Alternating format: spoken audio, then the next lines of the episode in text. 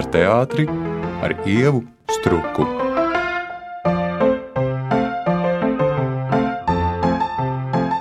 Mans sarunu biedrs šodien raidījumā Šņurbēniņa ir režisors Juris Rīnieks. Un gatavojoties šai sarunai, es sapratu, ka pirmoreiz mūžā man ir jāsāk ar tādu uvertīru, ka tev ir vēsturiska loma manā dzīvē. Proti, studiju laikā, mācoties teātris kritiku, mums katram bija paredzēta praksa vienā no izrāžu mēģinājumu periodiem. Un man bija tas gods pirms tālajiem 30 gadiem, kas, protams, izklausās briesmīgi vērot, kā tu iestudē Aleksandra Čaka poēmu Matīs Kausbajārs jaunajā Rīgas teātrī. Un cilvēkam, kurš atnāk no skolas sola, tas ir uh, milzīgs piedzīvojums redzēt, kā top izrāde, kurā turklāt spēlē prominentas teātris personības. Un tikai tagad, faktiski skatoties atpakaļ, es saprotu, ka tas bija absolūti unikāls darbs, unikālā laika brīdī. Pirmkārt, tas bija Čaka poemas pirmie studējums, dramatiskajā teātrī. Otrs vēl joprojām nav tapis, ceru, ka kādreiz taps. Un uh, otrkārt, tā bija jaunā Rīgas teātra atklāšanas izrāde. Ar to principā sākās jaunais Rīgas teātris ar šādu pieteikumu, ka tas būs poetiskā teātra turpinājums. Tev pašam tas bija otrais čaka iestudējums.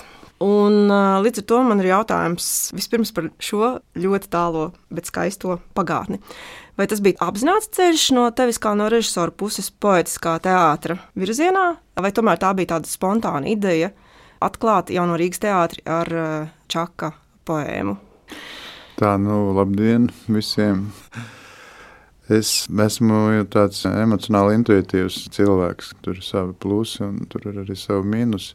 Dabīgi, ka mēs toreiz domājām par to kontekstu, kādā ir atklāta teātris ar ķimeli, un vēl tur visādi bija varianti, kā to izdarīt.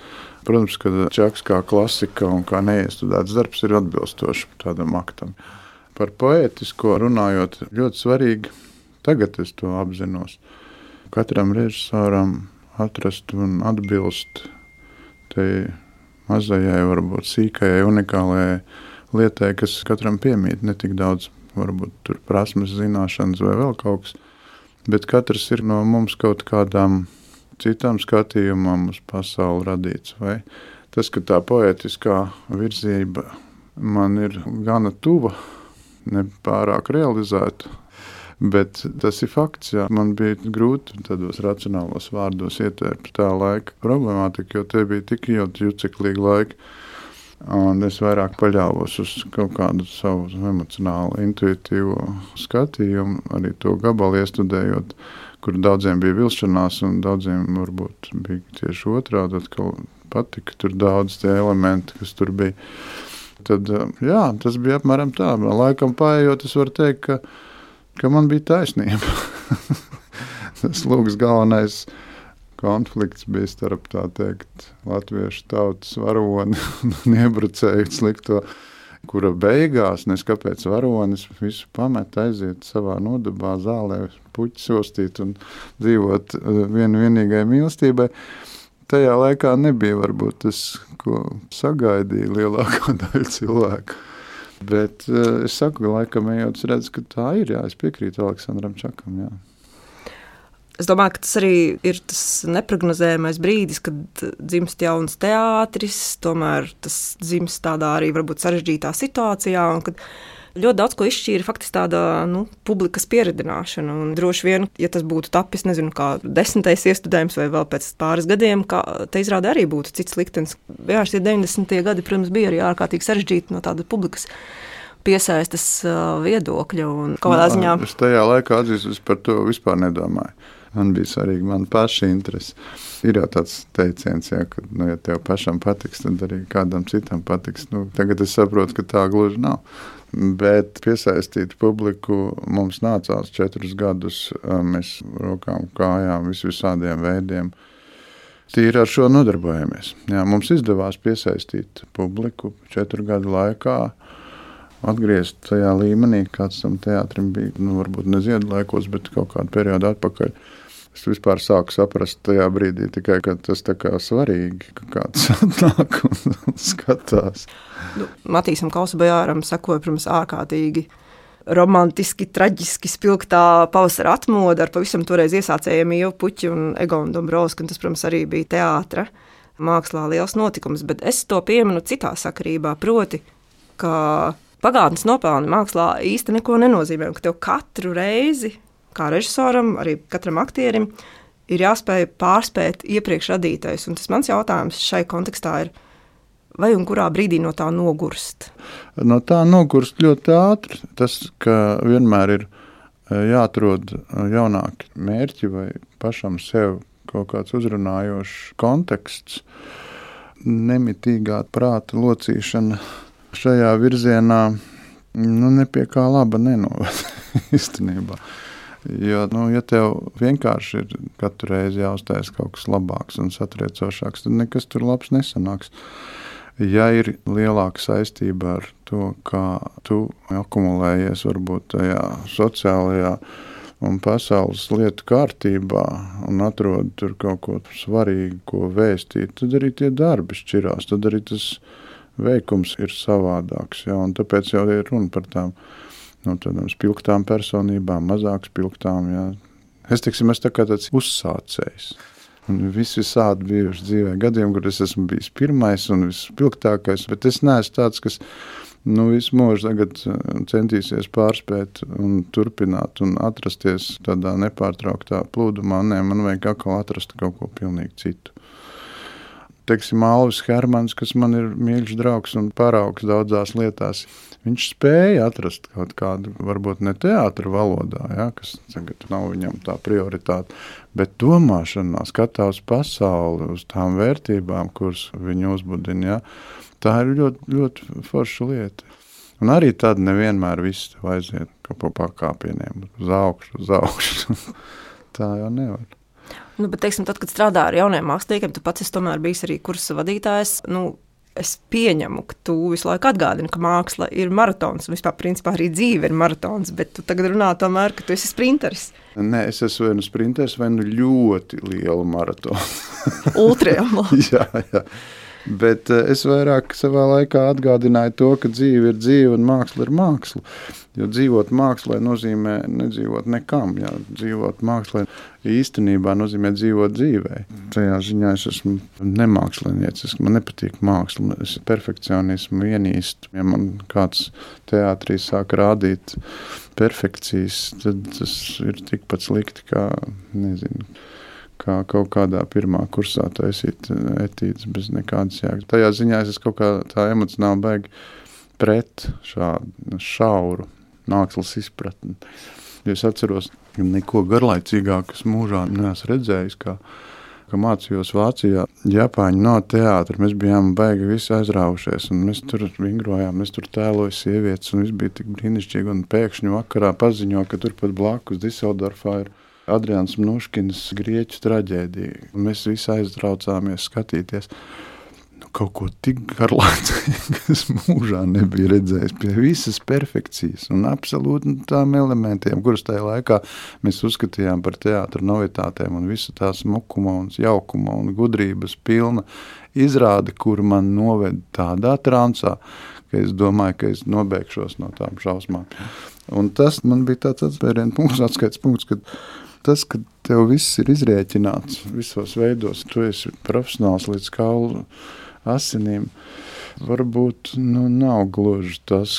Teātris jau tomēr ir šī brīža māksla. Bet Latvijā tādu perfekcionismu es sastapis, jo es, es, es tendences saskatu, mm. kad cenšas cenšas režisori, kā grāmatās rakstīts, katru sekundi ierakstīt tā teikt, jēgas, satura un, un būtības blociņā. Jā, un tajā brīdī nezinu, kāpēc iestājās garlaicības augstākā pakāpe. Tas ir baigi interesanti, bet tā notiek. Varbūt tieši tāpēc, ka tā galva tiek pārāk noslogota, pārāk gudra tas viss. Pārāk gudri nekas nevar būt. Protams, cilvēks ir muļķīgs pēc dabas, bet, bet tā koncentrēšanās uz to sapratni, uz to sapratnes nozīmi. To viss ir izrēķināts, to viss ir salikts par sekundēm. Tad dominē tavs prāts. Tad, tad tie, kas ar tādu prātu pārējo ķermeni atstājot kaut kur citur, parādīsies, tad viņi noteikti būs sajūsmā. Bet teātris jau ir tāda sublimējoša māksla. Viņai pirmsākumi tomēr ir laukumā. Bet kāpēc jautāju par to, vai Latvijā tas ir sastopams? Jo man pašai ir nācies secināt, ka izcilā režisora scenogrāfa Roberta Vilsona izrādes ir tieši tās perfekcionisma izrādes, kurās nu, ir grūti atrast to dzīvo momentu, bet būtībā jau tādam Vilsona tipa teātrim Latvijā ir maz tādu. Tur es tev nepiekritīšu, ne? tāpēc, ka mm. Vilsons pamanās būt viens no tiem ģeniālajiem cilvēkiem, kuri nu, vismaz no piecām maņām trīs mums iesaist. Jā. Viņš ir vizuāls, viņš ir jēdzienisks, viņš ir emocionāls kaut kādā ziņā, kas seko līdzi tai bildē. Ja? Un uh, viņš ar skaņu īstenībā ļoti labi strādā. Jo, jo, jo tev ir perfektāka bilde, tu nevari ignorēt skaņu. Nu, arī var būt veiksmīgāk un mazāk veiksmīgi viņam tie iestudējumi. Bet viņš pamanās virzīties uz tā uztveres līdzsvaru pusi, kurā ir iesaistīts cilvēka maņas visā pilnībā. Un uh, ir ļoti svarīgi, ka, ja tu izvēlies būt vizuāli perfekts, tad tev jāsaprot, kādu vēlmu pēc tu esi tik vizuāli perfekts. Kas aiz tā tiek vēstīts, kādā veidā tiek vēstīts, kā tu, tu pārkāp pāri tai ceturtais ienai, jo viņš jau ar savām bildēm uzreiz pārkāpj pāri un kas viņam seko. Dažreiz tajās bildēs iekšā jau ir visa šī jēga, emocijas, skaņa. Un es tiksim, no pēdējās izrādes vēl tagad atceros to spoguļu istabu. Tas kaut kādā atrunā vaļā tev visu, ko tu vari ar savu organismu izjust. Ne tik daudz saprast. Ja, bet izjust. Teātris jau ir emocionāla māksla. Tomēr, ja. Kā tu panāc tās emocijas, tas ir pilnīgi vienalga. Bet, ja viņas netiek iesaistītas, tad sākās spriedelēšana. Ja. Protams, Vilsona arī var spriedelēt. Tu esi augsts kā zivs, skatoties to visu tur uz vietas brīžiem, ja? bet tā bilde ir tik spēcīga, ka viņi tev atraisa kaut kādas saites ar sevi mazliet dziļāk, mazliet vēlāk.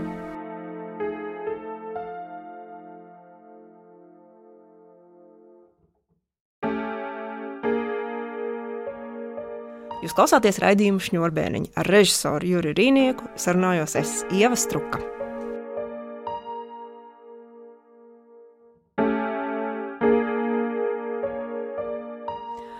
Tu esi viens no nedaudzajiem tomēr, Latvijas režisoriem, eh, kuru es esmu sastapusi praktiski visās Latvijas teātris izrādēs, un kas sako līdz tiešām tiem procesiem, kas Latvijas teātrī notiek.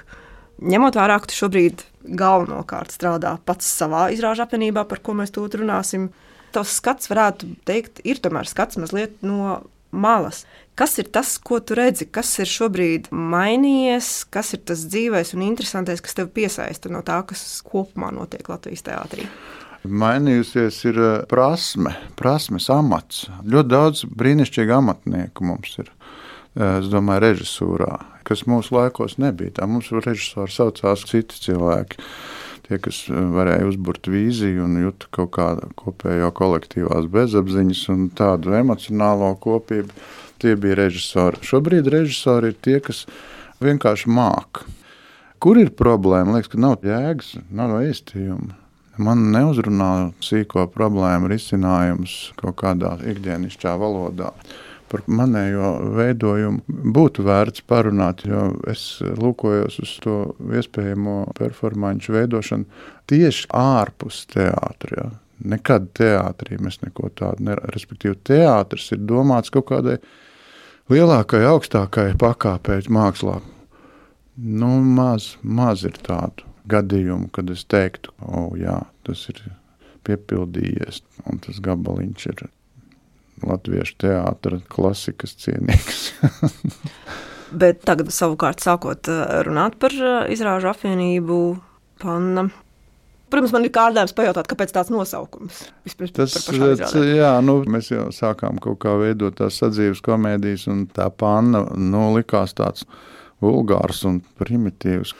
Tajā laikā, kad bija pārmaiņas 90. gados, bija ļoti daudz visām postpadomu telpām, Polijā bija un Baltkrievijā. Un, man liekas, Lēšos arī bija viena panna. Nu, ar sakot, bija kārdinājums viņu izmantot. Mēs arī viņu izmantojām, bet mums iemesls bija pavisam cits. Mēs sākām ar stand-up izrādēm, ar vienu cilvēku izrādēm. Un tad nu, ir ļoti skaidrs, ka tas aktieris tajā brīdī atrodas uz pannas. Tā ir viņa karstā vieta. Ja viņš cepās teikt, par to, lai kāds zālē varbūt viņam sekot, ja? viņam ir jācepās. No turienes nāk tā panna. Ja? Un mums pat bija dažādas idejas, kā viņu izvērst, bet mums nav tik daudz cilvēku mums nav te Latvijā, lai varētu tā varētu atspērties uz, uz visvisādām variācijām šajā žanrā. Tad beigās tas tā arī palika. Jā. Es tev gribēju pat atnest, man bija uz divām, trim lapām uzrakstīts. Es vispār neesmu teorētiķis, bet es biju mēģinājis uzrakstīt, ar ko atšķirās stand-up stils no vienkāršas aktieru spēlēšanas. Televīzijā var redzēt amerikāņu veselām čūpām, visas šīs komēdijas. Viņas visas ir stand-up komēdijas. Un stand-up nebūtu nenozīmē, ka tur jābūt visu laiku vienam cilvēkam. Tas ir cits spēles stils, pietuvinātāks. Ziņas vieglajā valodā. Ja? Lai tev viss, ko tu dari, būtu saprotams. Un otrs, kas ir palicis vēl, un kas joprojām mums būs, ir tas, ka tam cilvēkam vienam uz pānas atrodas nu, viņam ir jāspēj to publiku iemanipulēt. Bet uh, tur ir savi principi, protams. Un tieši par tiem arī gribēju pajautāt, ko tad atšķiras. Nu, teiksim, Latvijā mēs varam redzēt arī eh, lielajos teātros, manā izrādās. Parasti tās, nu, izņemot viņa daudziņu vecstāvu, ir mazajos spēles laukumos. Jaunā Rīgas teātrī ļoti labi aktieri uz to ir trenēti. Viņi spēlē tieši tāpat kā mēs pannā, tikai viņiem ir gudrākas tēmas un viņi ir intelekti teikt, bagāti. Mēs uz to nepretendējam. Tas ir kontakta daudzums ar auditoriju. Jā, ja monā izrādē nu, 20 pret 80, apmēram 20 ar publiku, 80 savā izdomātajā realitātē Tad eh, stand-upā ir otrādi, sākot no 60 līdz 40 vai 80 un 20. Ja. Tas kontaktu daudzums ar auditoriju atšķir. Mono izrādi vai nu, izrādi teikt, ar ceturto sienu, kur vispār nav nekāda kontakta. Ja. No plika stand-upa, ja, kurā ir tikai kontakts ja, ar publiku kurā ir joki un publika, joki un publika, kurām nav ne sižets, nekas, nekas pie kā piesaistīt prātu ilgtermiņā. Tas ir tas pamats stand-up. Ja? Bet uh, mēs kaut kādu stāstu tur taisām ik pa brīdim, bet, bet viņam ir jābūt ļoti, ļoti, ļoti vienkāršam. Ja? Protams, svarīgi, ko tu gribi panākt. Ja? Es kā tā teikt, kaktu psihologs, esmu domājis par to, ka galvenais ir sagādāt prieku tiem, kas sēž zālē. Ja? Man galvenais ir, lai viņi ir bezjēgā laimīgi. Ja? Pilnīgi vienalga, kāda iemesla pēc. Jā. Es par savu varbūt tādu mazāk uztraucos, bet es uztraucos, lai viņi priecātos, lai tas kopums, kas ir atnācis, viņi varbūt sajūgt prātā no smiekliem un raudāšanas un vispārējā un nesaprastu neko vispār. Viņi iziet ārā apduluši kā tādas mušas. Viņu organisms sakārtos to visu. Viņi ir dabūjuši to emocionālo triecienu. Bet, teiksim, lielā teātrī studējot komēdiju, nu, tomēr es arī to darīju. Vai tā iedarbības ieprogrammēšana ir atkarīga tiešā veidā ar to, ka nu, lielajā teātrī visticamāk tu taisi komēdiju ar nezinu, 10, 15, 20 aktieriem, un šeit tiešām tev ir mazāks cilvēku skaits, viens vai divi vai nezinu, četri, ar ko tu ej uz to publiku. Kur atšķiras tā? Lieta, Tur atšķiras diezgan būtiski, jā, jo teiksim, tajā teātrī, ko mēs te esam, es cenšos pazust. Nedrīkst redzēt, ka tur ir bijis režisors. Nedrīkst redzēt, ka tur ir kaut kāda baigā gudrā scenogrāfija. Nedrīkst redzēt, ka tur ir kaut kas tāds, kas tev novērš uzmanību no tā stāsta. Tev ir jābūt pilnīgi un galīgi koncentrētam uz aktieru. Plus tas saucamais stand-up stils, aktieru spēles stils. Es ar no vienas puses prieku un ar smaidu vēroju dažus no mūsu, ar ko mēs pastāvīgi desmit gadus strādājam kopā ar aktieriem. Pēc tam viņu gaitas viņu dzimtajā teātrī. Un es redzu, ka tas atstāja pēdas, un tas ir atšķirīgi no tiem, kas nu, varbūt vienīgi un tikai nodarbojas ar lielāku teātru estētiku un, un darbiem. Jā. Kā tu raksturot tās pēdas? Nu, kā lai saka, visur ir svarīgs līdzsvars. Pārspīlēt, kā Anšlaus Eglīts teica, nedara nevienā jomā. Un uh, stand-upā nevar nepārspīlēt. tur ir jāpārspīlē. Un ļoti daudz kas jāpārspīlē. Tu esi, tu esi enerģētiski un jēdzieniski uzpazīstams vissmalkākajā veidā, līdz ar to tu vari būt neīsts. Skatoties pēc kaut kādiem tur organikas principiem, jo tur ir cita organika. Un tad, kad šī cita organika parādās akadēmiskā teātris, tad mums, mēs tā sakām, ak, Dievs, viņš tur tāds neīsts un visādi tur ākstās un tam līdzīgi. Kas ir interesanti, ka tajā stand-upā tas tā neizskatās. Tāpēc nevēl gribēju, lai tu precizēji, jo man ir aizdomas, ka es arī dažas pēdas esmu pamanījusi. Ir, ir, jā. Tas nozīmē, ka tas cilvēks piedzīvojot šo efektu, viņš to ielaiž sevī ļoti dziļi. Līdz ar to viņš jau vairs nekontrolē. Kā tad tur tajās niansēs parādās viņa tā jaunā seja. Nu, jā, tas nozīmē, ka principā runa par to elastīgumu un profesionalitāti, ka tev ir jāspēj pārslēgties. Nu, kā lai saka, vēl viens stand-up uh, atšķirība no mano izrādes, ļoti būtiska atšķirība ir tā saucamie dotie apstākļi, kas teātrī ir šī lugas rāmja ietvaros skatītājiem. Mēs radām to ilūziju, un mēs mēģinām viņus vest pa to ilūziju. Tad stand-upā dotie apstākļi ir šeit, šobrīd, tā zāle, kurā es šeit runāju. Tā ir ļoti būtiska atšķirība. Es esmu šeit. Un kādreiz man bija liels pārsteigums, kad es to uzzināju no zviedriem, kurus mēs atvedām savā laikā, arī jaunā Rīgas laikā. Visas improvizācijas un visi pārējie, kas te mums šobrīd notiek, tie visi mums ir atvesti 94. gadā. Zviedri mūs apmācīja, un mēs sākām šīs lietas mācīties.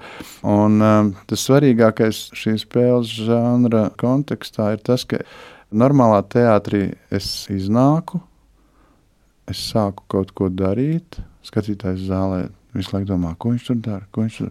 Jo tā tad uh, dabiskāka, noslēpumaināka, precīzāka man darbošanās, jo lielāku intrigu es izraisu cilvēku galvā, un viņš seko, un viņš domā, un es esmu iesaistījis. Ja? Tad stand-upā tas ir pilnīgi garām. Stand-upā tā nav iesaiste, tā ir mocīšana skatītāja. Ja? Stand-upā vispirms ir jāatnāk un jāpasaka, es tagad mēģināšu uzsākt lūgu un es mēģinu. Un tad skatītājs vēro to, ko tu dari. Viņš reāli sāk iesaistīties. Un tā ir tā atšķirība vislielākā. Vispirms pateikt, un tad darīt. Un arī humorā uz skatuves vispirms pateikt, un tad izdarīt ir būtiskāk nekā vienkārši izdarīt un pēc tam apgaismot vērotāju, kas tur īsti bija domāts. Nu, Spēļu nakts nominācijas un balvas šim žanram ir gājušas secen. Bet tas tā tās... visā pasaulē ir. Jā, bet līdz ar to man ir jautājums. Tagad, skatoties uz savām izrādēm, tieši šai žanrā, kurai tu dotu balvu? Kas ir tā labākā, tev izdosies pēc uh, šiem noteikumiem? Es no sākuma kaut kad agrāk, gadus atpakaļ, arī uztraucos par to, ka es domāju, ak, Dievs, mums ir tāda atsaucība, publika tā, vispār ņem to visu, un mēs esam pieprasīti, un visiem patīk, un viss ir kārtībā, un kāpēc mums neviens neievēro. Bet tam es sapratu, ka tā ir pirmkārt visā pasaulē, otrkārt, kāda tu to humoru izmērīsi. Ja? Vienam ir smieklīgi, otram nav. Tas būtu tā kā veidot anekdošu šovu un pēc tam apspriest intelektuāli, kuram bija tā teikt dziļāka tā anekdota, kuram mazāk dziļa un kuram vairāk prieka, kuram mazāk prieka. To grūti izmērīt. Nezinu, tas ir atsevišķs pilnīgi pasākums jātaisa tiešām varbūt vienīgais, kas to var, tas skatītāju daudzums un atsaucība, kas to var novērtēt. Pats nevar? Nu, Man ir ļoti daudz mīļas izrādes. Piemēram, mums bija ar Zanu daudziņu un, un Aldu Siliņu bija tāds gabals pusi no sirds, kas pagāja savā laikā diezgan labi. Tas bija tajā periodā, pirmajā, kad uh, brauca uz ārzemēm pēc pirmās krīzes, laikam, kad visi tur izceļoja. Mēs ar iepriekšējo izrādi bijām īrijā. Un mēs saklausījāmies visādus tos gadījumus, kā viņiem bija tur atbraukt un kas nebija noticis. Un mēs atbraucot atpakaļ ar Rāju Birbeli kopā viņus apvienojām. Izdomājām tādu neeksistējošu stāstu par diviem aizbraucējiem, kas aizbrauc, tur sapēl naudu, izšķirās, atkal raudu, bēdājās, atgriežas, apprecās un viss tā kā dzīvē. Man ļoti mīļš tas gabaliņš bija. Un kas arī man pārsteidz, kad es savā laikā sāku ar to nodarboties, ka tāds joks vai tāda sadzīviska kaut kāda aizkustinoša lieta, kas tiek aizrādīta līdz skatītājiem, viņiem to dzīvi izmaina. Parādījās, ka mums tādi sekotāji, kas nāk uz mūsu izrādēm, viņi izraksta citātus. Viņi izraksta citātus un pielieto viņu savā dzīvē, stāsta, kā viņiem tas strādā un cik ļoti labi strādā. To atsaucību nevar salīdzināt. Nu, neviena akadēmiska izrāda neko tādu vispār pat pretendēt nevar. Visos tajos darbos, pārskatot izrāžu sarakstu, tu izmanto tiešām šodien rakstītu tekstu un rakstītu tieši tev un tam teātrim. Bet tomēr ir arī blaumaņa no saldinās pudeles. Un es tomēr gribu par to arī pajautāt, kāpēc pēkšņi šādā kontekstā ir tāds šķietami svešs ķermenis, kā Blaumans ar no saldinās pudeles. Blaumans eh, svešs ķermenis varbūt te, Tas par skaļu varbūt teikt, bet nu. Nu, mūsdienu kontekstā mm. varbūt jā, un tā kā viņš tomēr klasiķis un tā, un, un literatūra, un, un Tā pašā laikā, kā jau teicu, mums ir divi virzieni. Viens ir tas tā saucamais uzrakstītais stand-ups, kur nekas netraucē aktieru stāstījumam, un otrs mums ir tās sadzīves komēdijas sadaļas. Ja? kas man arī likās ļoti svarīgi organizēt to brīvdabas izrādi, kas ir starp citu unikāla parādība, ka pie mums nāk cilvēki uz brīvdabas izrādēm. Ja? Ne Lietuvā, ne Igaunijā, nekur te blakus tas nav populāri, bet pie mums ir. Un tas ir jāizmanto. Man tas liekas grūti un sarežģīti un vis visādi, bet tam ir jābūt. Mums bija brīnišķīgi brīvdabas eh, iestudējumi. Man mīļākā ir saimnieks, meklē saimnieci. Neko smieklīgāk, kas nožānēs lasījis attiecīgajā žanrā. Tur Guntai Kalniņai un, un Intai Bernovai lielu nopelnu. Ja. Viņas tiešām māk uzrakstīt tos kā to sauc, kiču vai nezinu, ko. Tiešām smieklīgi. Un par Blaumanu nevajag aizmirst, ka viņš jau arī bija viens no tiem, kas rakstīja, ka labāk ir ielīgsmot skatītāju sirdis, nekā skatīties, kādu tur mākslu viņiem aizrādīja. Ja, viņš arī bija par to, lai viņam vairāk aplaudē, nekā tur kāds vērtējot. Ja. Es jau nekad neaizmirsīšu to, ka viņš bija Rainim aizsūtījis to saldu no pudeli uz Pēterburgas novērtējumam. Un tā arī nesaņēma atbildi. Bet, nu, jā, ne, kāpēc ne?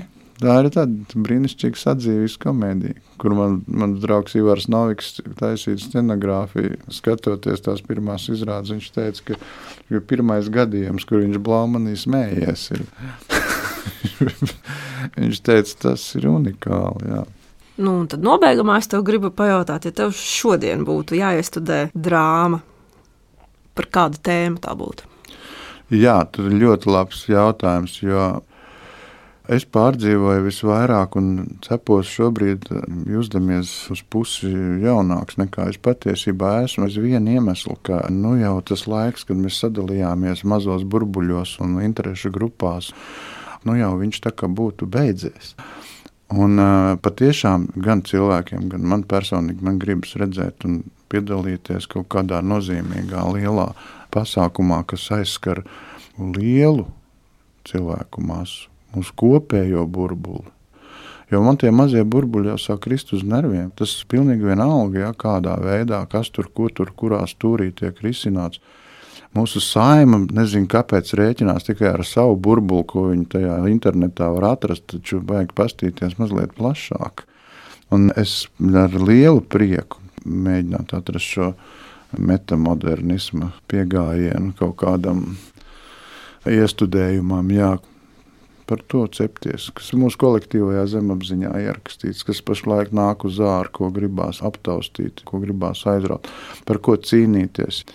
Jo tā samiernieciskuma un visiem ir taisnība pozīcija, nu, viņa beidzās. Ar karu Ukrainā viņa beidzās. Diemžēl dzīve ir tāds skarbs pasākums. Tāpēc arī tā apvienošanās var būt uz kaut kādas diezgan varbūt, radikālas kaut kādas domas bāzes. Ja. Nu, vispār es gribu redzēt kaut kādu radikālu domu, kurš kāds kaut ko var aizstāvēt. Nevis vienkārši izlīdzsvarot mūsu dažādo domu virpuļus. Nu, tas ir nu, garlaicīgi. Nu, Juri, es saprotu, ka tas nav viegli realizējams, esot it kā ārpus visa, bet es tev tomēr gribētu to novēlēt. Jā, paldies. Nē, es domāju, ka tas tā arī īstenosies. Būs tāda iespēja. Labi.